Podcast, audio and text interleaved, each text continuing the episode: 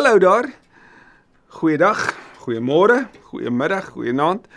Waar jy ook al is op hierdie oomblik in jou reis, op jou plek in jou dag, mag ons saam wees op hierdie oomblik vir jou ontmoeting met die Here ook in jou ontmoeting met die Here ook ontmoet. Mag dit vir jou so sinvol en so goed wees.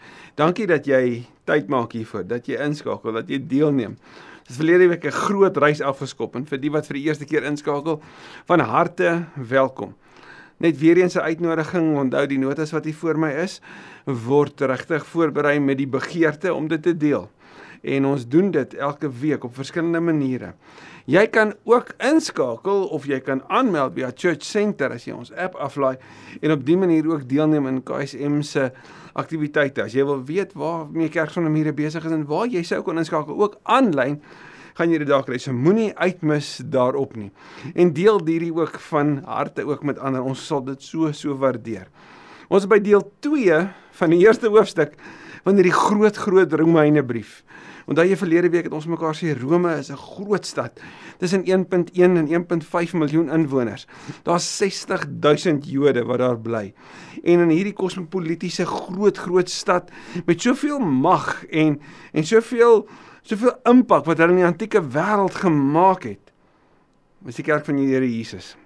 Rome wat bekend is as Babylon in Openbaring so beskryf word as hierdie slegte vrou, hierdie losvrou lees ons in die eerste paar verse van hoofstuk 1, maar daar binne is 'n gemeente vir wie God lief is. Geliefdes van die Here, daai verskriklike mooi woord. Julle word deur die Here geagape. Julle is sy geliefdes en Paulus praat van 'n inklusiewe gemeenskap, almal wat bely dat Jesus die Here is. So het vroeg vroeg gesien hoe Paulus wat homself die kleinste ook um, noem, die geringste van al die apostels, sy naam ook klein of gering beteken. En hoe Paulus sê maar hy's 'n dienaar van Jesus Christus. Hy noem hom die Here. Paulus sê die Here het my geroep, het my afgesonder en ek deel hierdie met julle en ek is so opgewonde oor wat God doen en ek wil hê julle moet weet die Here het ons op sending en ek is geroep om hierdie goeie nuus wat oor die seun van God gaan te deel. Ons het verlede week gesien hoe Jesus se menslikheid en sy goddelikheid sommer so reg langs mekaar staan. Jesus wat uit die geslag van Dawid gebore is en Jesus wat deur die Heilige Gees aangewys is as seun van God. Jesus die gans andere. So sommer so reg vroeg in in Romeine Paulus ons die tafel gedek om te sê maar wat ek met julle deel en wat ons met mekaar gaan deel is so so so goed. Maar dit is so anders as wat die wêreld glo. Mag die Here ons ook vandag verder neem. Kom ons bid saam. Here Jesus, ons het verlede week gehoor dat Paulus skryf in 'n diatribus styl, hierdie vroedvrou metode, hierdie metode wat geboorte gee aan nuwe denke en nuwe verstaan, nuwe ontdekkings. En ek bid so dat U deur die Gees vandag vir ons ook sal lei daartoe tot nuwe ontdekkings. Miskien vir die eerste keer regtig hoor, miskien by herhaling hoor hoe dit ook al sê, hier is aan die woord deur die Gees, deur die woord. Vader, dankie dat ons verlede week kon hoor ons is deur van 'n familie. 'n Familie waardeur ons ook mekaar kan aanmoedig, maar waardeur ons na die tafel toe geroep word, na die Vader toe geroep word om te behoort, volledig te behoort. Dankie dat ons vandag kan vier ook juis wat dit beteken. Mag wanneer ons nou afskop met vers 8, Here, mag dit so aansluit by die genade en die vrede van verlede week.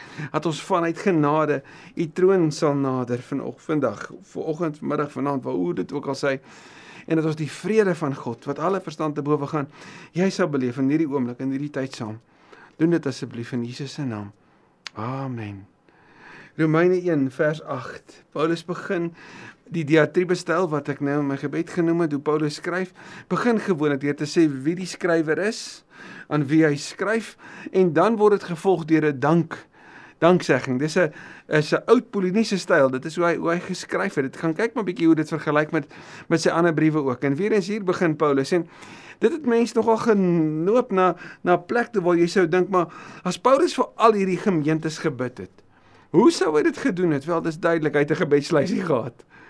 Hoe lank daai gebedslysie was, weet ek nie. Maar hoe ernstig hy daaroor was, dit kan ons verseker vir mekaar sê. Miskien is dit goed vir jou en my om opnuut weer te vra, waarvoor bid jy? Wat skryf jy neer? So kant opmerking. Kom ons sien waarmee hy begin. Allereers nou na die genade en waarheid, ag genade en vrede. Allereers dank ek my God deur Jesus Christus oor julle almal. Want in die hele wêreld praat die mense oor julle geloof. Paulus praat van 'n persoonlike God. Het jy dit gesien? Hy noem die Here my God. Hy praat van 'n 'n verhouding wat intiem en naby is.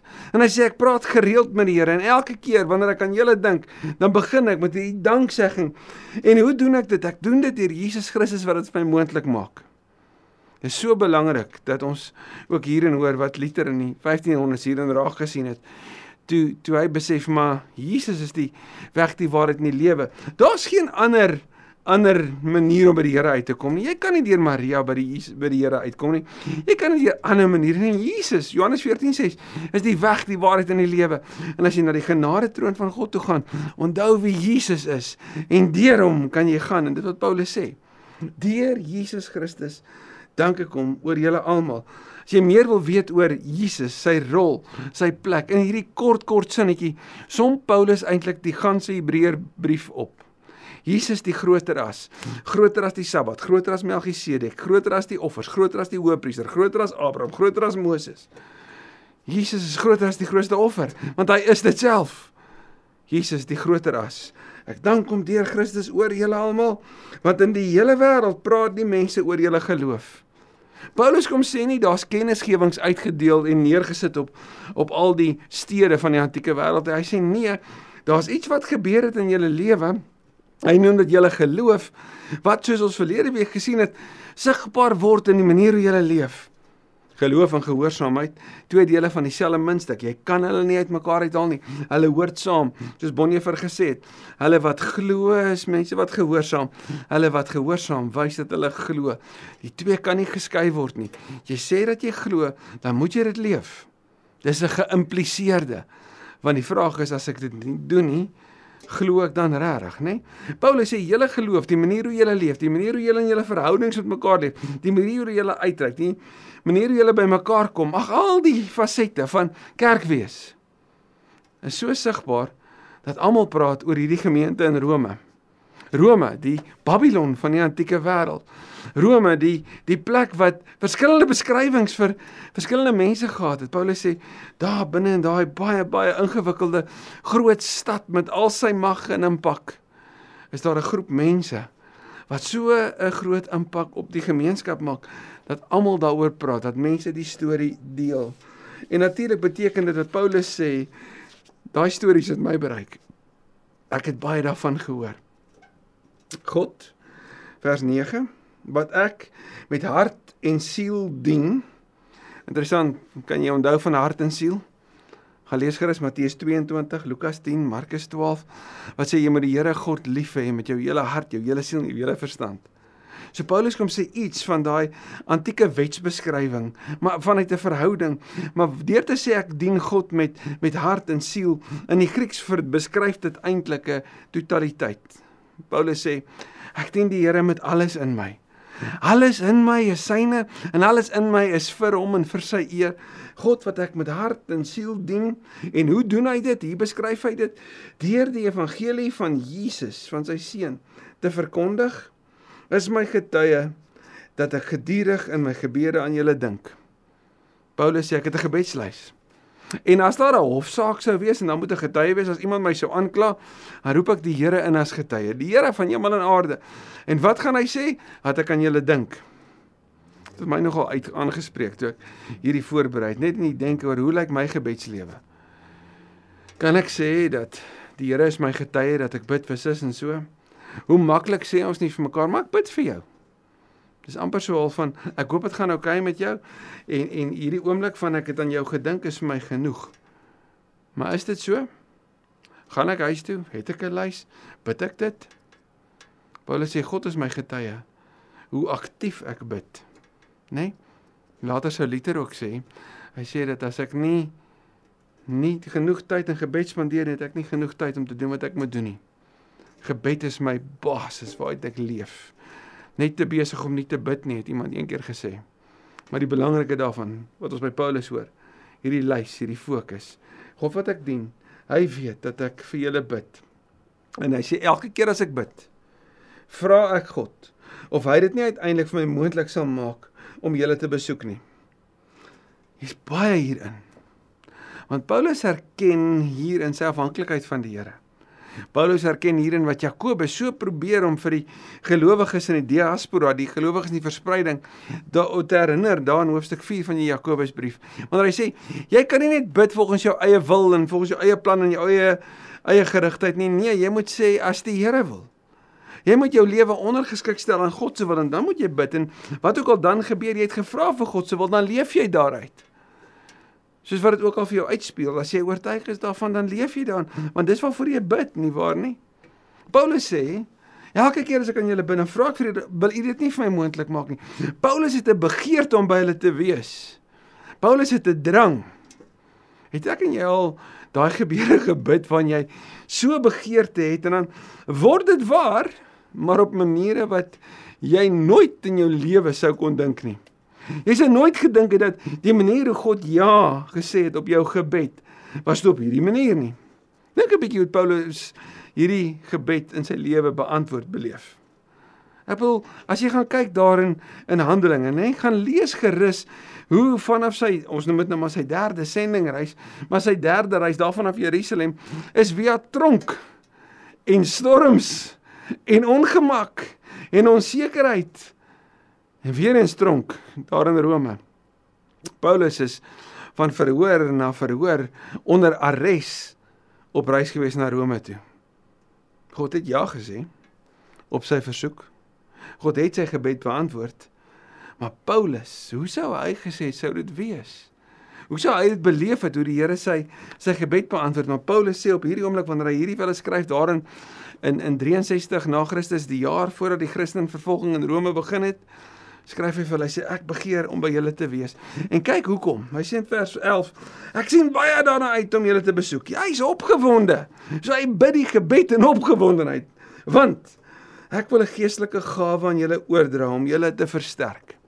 As Paulus aan die gemeente in Efese skryf aan hoofstuk 4, dan sê hy maar dis wat ons moet doen. Jou gawes is daar om die gelowiges op te bou.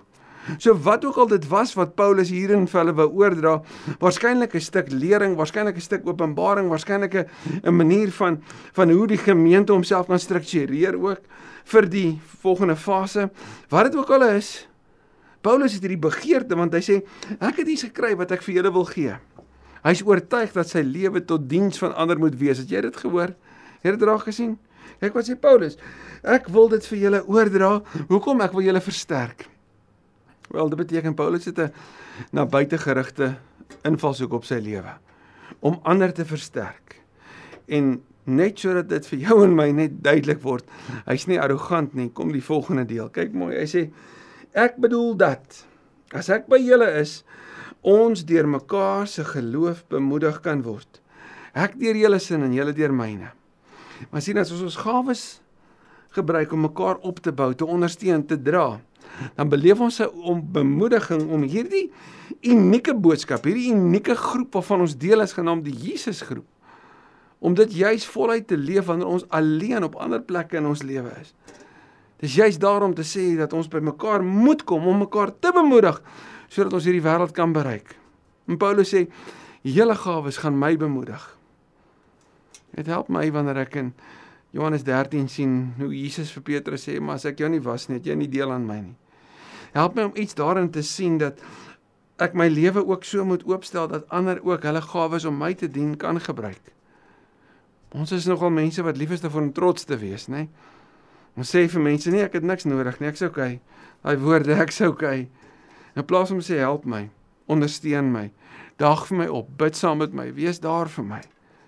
Dis so belangrik dat ons mekaar kan sê maar ek het nie al die gawes nie. Daarom is ek deel van 'n liggaam en hierdie liggaam is nie weet nou op hulle self gefokus nie, maar na mekaar om mekaar op te bou sodat ons daar buite Jesus kan wees vir ander.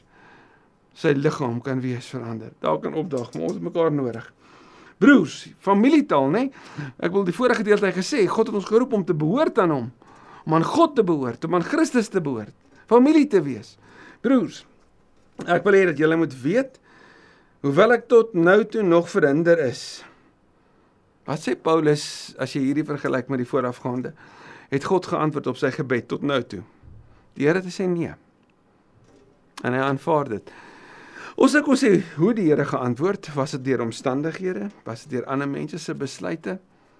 Dit is nie so eenvoudig nie, ek besef en dit is kompleks en ek besef. Maar Paulus het gesê ek het gebid en tot nou toe was die antwoord nee. Ek was verhinder gewees. Maar ek het my dikwels voorgenem om julle te besoek om ook by julle net soos by al die ander heidene nasies mense vir Christus te wen. Paulus sê my drang, my begeerte altyd die heeltyd is om mense vir Christus te wen. En dit sou beteken om mense na Jesus toe te neem, om hom hulle aan aan hom bloot te stel, sodat hulle hom kan leer ken, sodat hy die oorwinnaar van hulle harte kan wees. Nee, die heerser, die vors in hulle lewe, so wat ons gesien het, hy is die Here met mag bekleed. Die exousia, nê? Nee? vers 14. Ek staan onder die verpligting. Net soos in die voorafgaande kom meld Paulus weer aan vir diens. Hy sê ek het hierdie verpligting. Jy sê kon sê ek het hierdie skuld die bedryf gedrewenheid binne in my. Want ek wil as jy 'n verpligting het dat jy skuld. En genade lei tot skuld. En wat is die skuld? Die feit dat ons ander mense die goeie nie skuld. Ons het verniet ontvang. Ons moet dit geniet vir nie deel. Ons moet daar uitkom.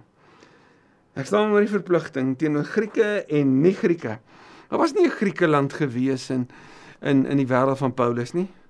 Maar die die die Helleniste, die nie-Jode het het die Grieke het van ander gepraat as geontwikkeldes en en en onderontwikkeldes en van barbare. Dis hoe die Grieke gepraat het en ek wil Rome het het meer as 'n miljoen van hulle gehad, nê, nee, hierdie Griekssprekende mense teenoor Grieke en nie Grieke teenoor ontwikkeldes en ongeleerdes teenoor barbare.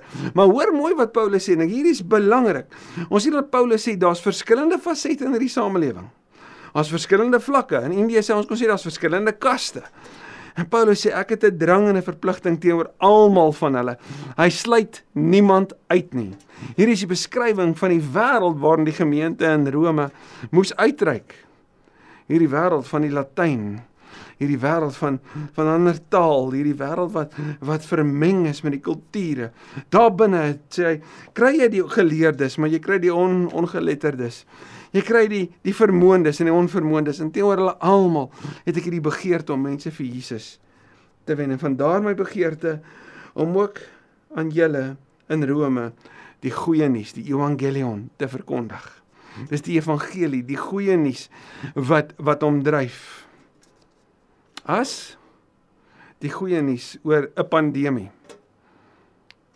by jou hart kom lê het en jou hart so aangeraak het dat dat dit vir jou sê dit is hoe jy dit oplos. So jy het vir jouself hou? Nee. Jy gaan onmiddellik klim op al die WhatsApp groepe waar jy is. Jy gaan e-mails uitstuur. Jy sal selfs 'n video maak. Jy sal dit TikTok, jy sal dit Instagram, jy sal dit Facebook. Wat ook al want jy wil hê die hele wêreld moet weet daar's 'n oplossing vir die pandemie. Paulus sê die oplossing vir die pandemie van die sonde wat in hoofstuk 1 tot 4 so 'n groot deel van die Romeine brief se basis is. En die oplossing is die goeie nuus. Dis wonderlike nuus. Dis hoekom hy sê ek het 'n begeerte om dit daar by julle te kom deel. En dan vers 16, hierdie verskriklike mooi kragtige opsomming. Paulus sê ek skaam my nie. Ek staan nie terug nie. Inteendeel, Ek staan daarvoor. Hierdie evangelie wat hy in Korinte beskryf as vir sommige klink dit na dwaasheid. Die hele ding van die kruis maak vir mense nie sin nie.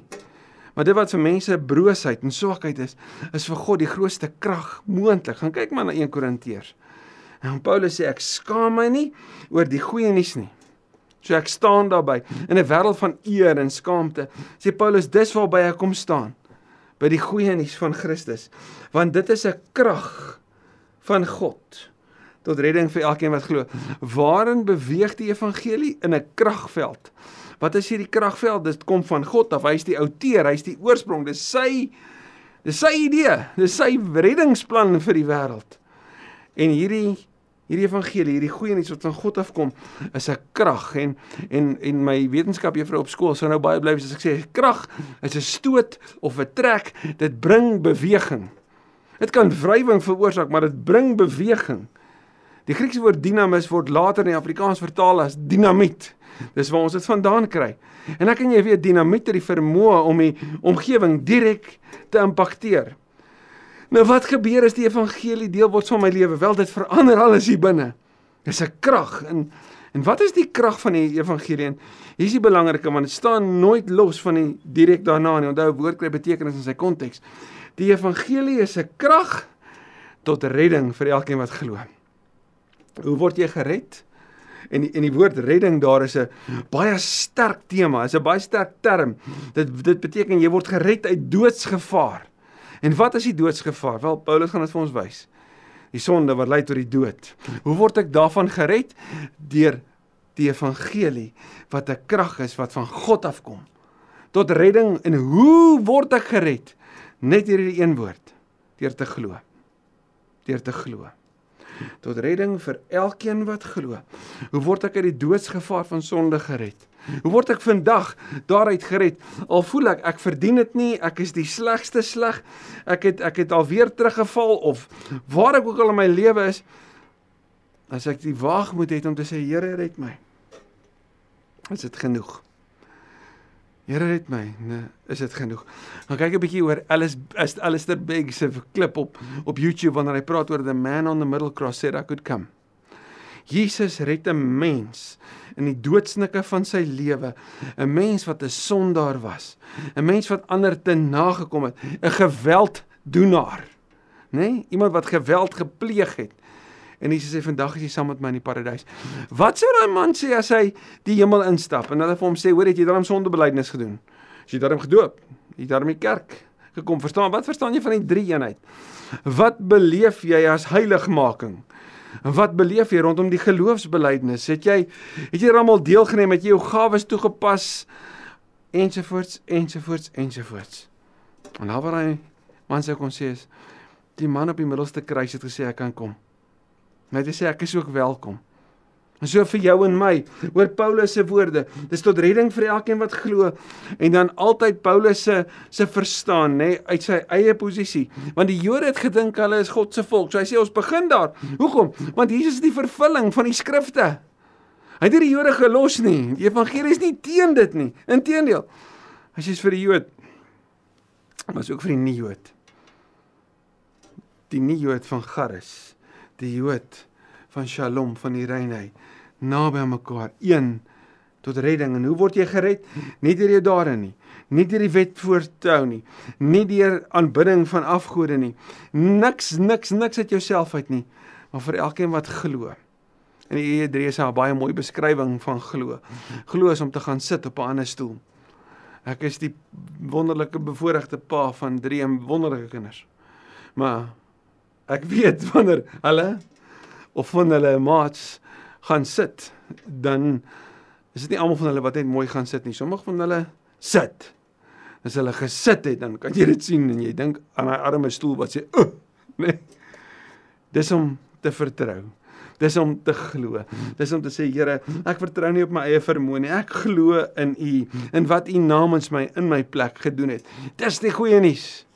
Want dit bring vir my redding redding uit die doodsgevaar, uit die doodsnikke van die lewe. En dan som Paulus dit op in vers 17. In die evangelie kom juist tot openbaring en in die Grieks staan daar God se geregtigheid word geopenbaar. Geregtigheid in die Hebreëus en in die Grieks, die kaiosune in die Grieks, dui op om om in die regte verhouding met God te wees, to be in right standing. God die regverdige verklaar jou geregverdig. En die geregtigheid van die evangelie is dat dit gebeur in Christus. Ek en jy word geregverdig voor God omdat Jesus in ons plek gesterf het. Hoor mooi, die evangelie word juis tot openbaring gebring hoe dat God mense van ons sonde vryspreek. Enkel en alleen omdat hulle glo.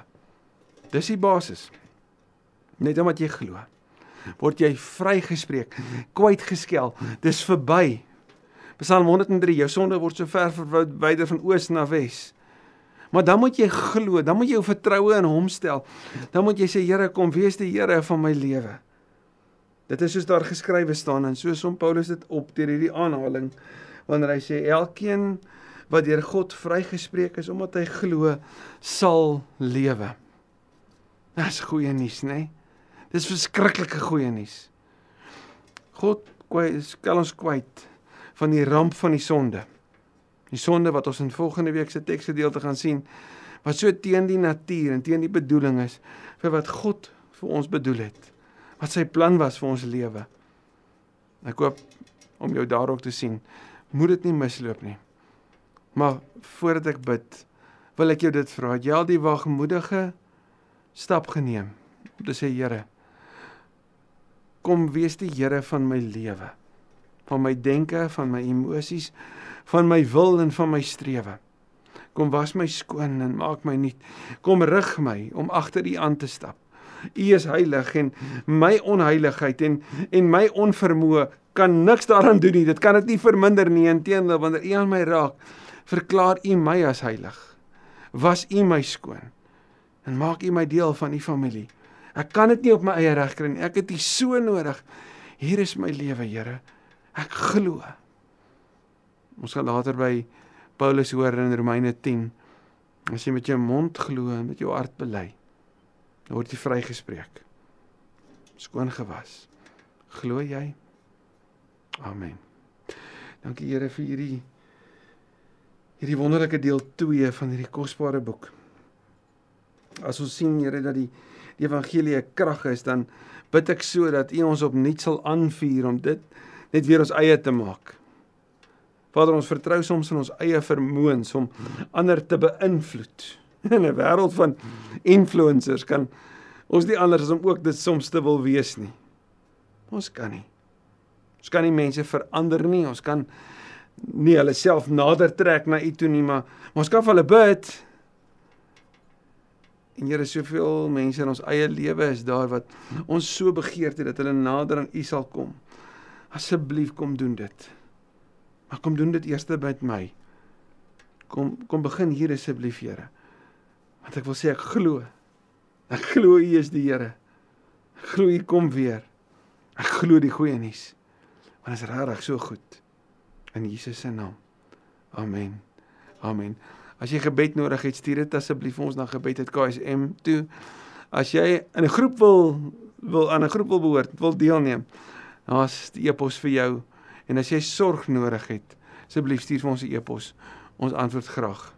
Ek hoop jy het 'n baie baie mooi dag.